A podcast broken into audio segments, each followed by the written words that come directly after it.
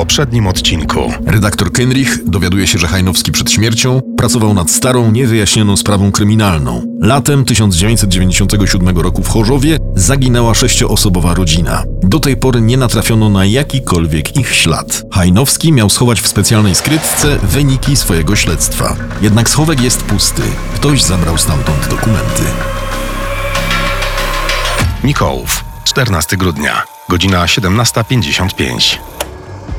Gdyby zdumienie Knricha miało wpływ na otoczenie, cały Mikołów zamilkłby na kilkanaście sekund.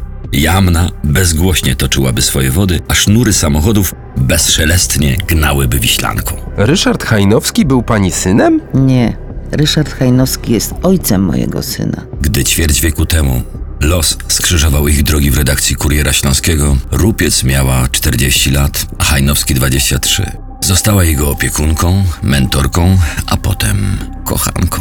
Był z domu dziecka, szukał oparcia i tak jakoś wyszło. Ich syn urodził się rok później. Nosi nazwisko matki Stanisław Rupiec i od kilku lat mieszka w Australii. To był prezent od losu. Największe szczęście. Nie chciałam komplikować Ryszardowi życia, więc zwolniłam go z odpowiedzialności za Stasia. Podała mu notes w twardej oprawie. Kenrich usiadł w fotelu i zaczął wertować w ponurej historii lat 90. Z pamiętnika Hajnowskiego. 24 lipca 1997 roku. Do autobusu 820 wsiadła hałaśliwa grupa kibiców. Jeden z nich wypchnął słabo osadzone w uszczelkach okno. Po chwili zaczęli przez nie krzyczeć. Osasuna, Pampeluna! Osasuna, Pampeluna!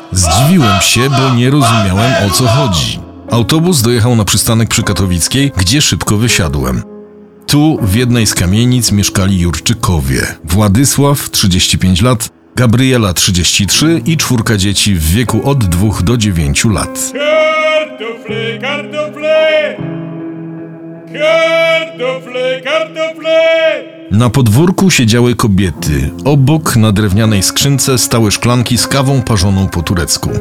Nie powiedziały nic interesującego. Najbardziej to tych dzieci żal. Mimo święta policji zgodził się ze mną spotkać Stefan Drepczak, szef chorzowskiej komendy.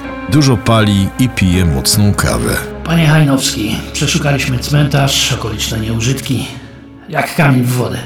A przecież nie mógł tym wózkiem ich daleko wywieźć. Czyli zakłada pan morderstwo? A co? Posłuchaj pan, panie Hajnowski, co nagrał na kasecie. Drepczak, nie przerywając palenia, sięgnął po magnetofon. Nie szukajcie nas. Musiałeś wszystkich zabić. Nie miałeś wyjścia. Możecie latami szukać, sznupać, a i tak nie znajdziecie. Jestem tutaj razem z nimi. Jesteśmy szczęśliwi.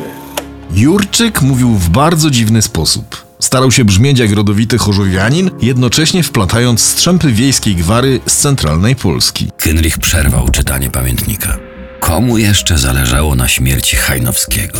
Mogę to pożyczyć? Proszę, ale do zwrotu. To pamiątka. Z samochodu zadzwonił do Zawalnego. Nie wiedział, co ma robić.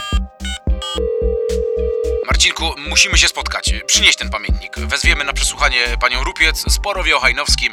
Chyba daj więcej. Tego Kenrich właśnie się obawiał. Ściągnie na rupiec policję i niczego więcej się od niej nie dowie. Spoglądając we wsteczne lusterko, zauważył zaparkowany nieopodal dobrze znany mu samochód. Bez trudu rozpoznał również sylwetkę osoby, która siedziała wewnątrz. Była to Lucyna Schulz. Gańba.